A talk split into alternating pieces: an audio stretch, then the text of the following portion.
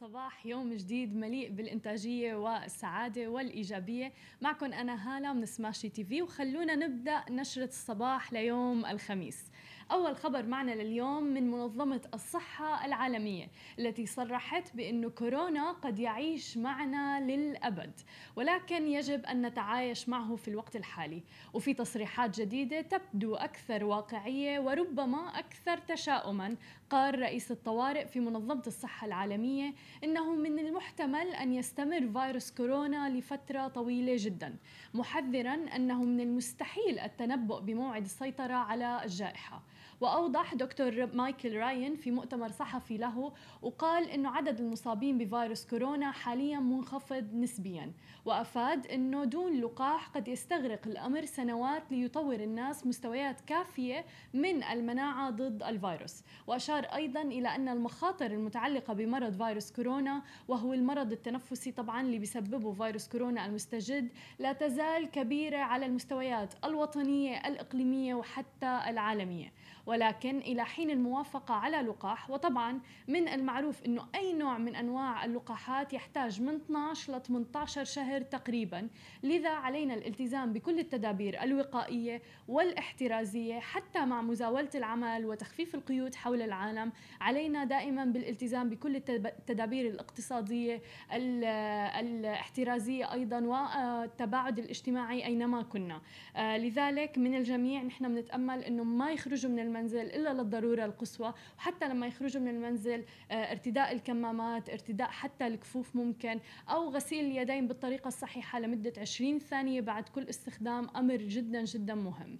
أما عن خبرنا الآخر فهو من دولة الإمارات وتحديدا دبي اللي منحت إقامة ذهبية أي لمدة عشر سنوات لكل العاملين على تقديم الخدمات الطبية المباشرة لمرضى فيروس كورونا. صدقا ترفع لهم القبعة ونحن فعلا شاكرين لهم ولجهودهم وبحب نوه أنه يمكن نحن بننسى ولكن في العديد من الأطباء وأيضا الممرضات وكل العاملين في خطوط الدفاع الأولى عم بيشتغلوا ليل نهار لسلامتنا والحد من تفشي فيروس كورونا. وعم بيعرضوا أيضا حياتهم للخطر والعديد منهم ما شافوا أهلهم ولا حتى أطفالهم لأشهر بسبب هذا الوباء. لذا بنشكر هيك نوع من المبادرات من حكومة دبي وشخصيا سماشي تي في بنحب نوجه لهم الشكر على كل شيء عم بيقدموه للوطن ولأفراد هذا الوطن ولسلامة الجميع.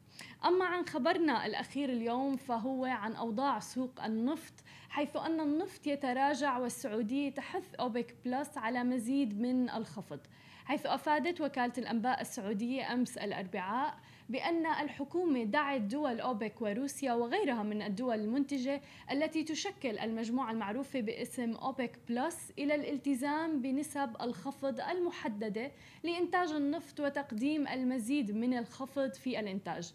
طبعا كل هذا للإسهام في إعادة التوازن المنشود لأسواق البترول العالمية.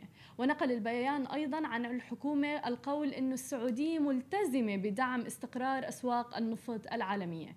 وتراجعت أسعار النفط في الأسواق الأسيوية بعد ارتفاع قوي حققته عقود الخام الأمريكي في نيويورك يوم الثلاثاء. وتراجعت أيضا عقود الخام الأمريكي أمس 0.8% آه، إلى 25.5 دولار للبرميل الواحد. بينما تراجعت عقود مزيج برنت 1.7% إلى 29.5 دولار للبرميل الواحد. وحيث أن السعودية بتريد تعجيل الاستنفاذ لتخمة المعروض العالمي وإعادة أيضا التوازن إلى سوق النفط. بالإضافة إلى ذلك آه، شفنا أنه انضمت دولة الإمارات وأيضا الكويت للسعودية وتعهدوا بتخفيضات جديدة في إنتاجهم بشهر يونيو حزيران بحجم إجمالي 180 ألف برميل يوميا وإعادة التوازن لسوق النفط يؤثر إيجابيا على الاقتصاد بشكل عام. هاي كانت كل أخبارنا لليوم. ما تنسوا تتابعونا على كل مواقع التواصل الاجتماعي الخاصة بسماشي تي في. تسمعوا البودكاست تبعنا وتنزلوا ال application. بشوفكم أنا الساعة واحدة ونص بأخبار مفصلة أكثر عن ال business والتكنولوجيا. نهاركم سعيد.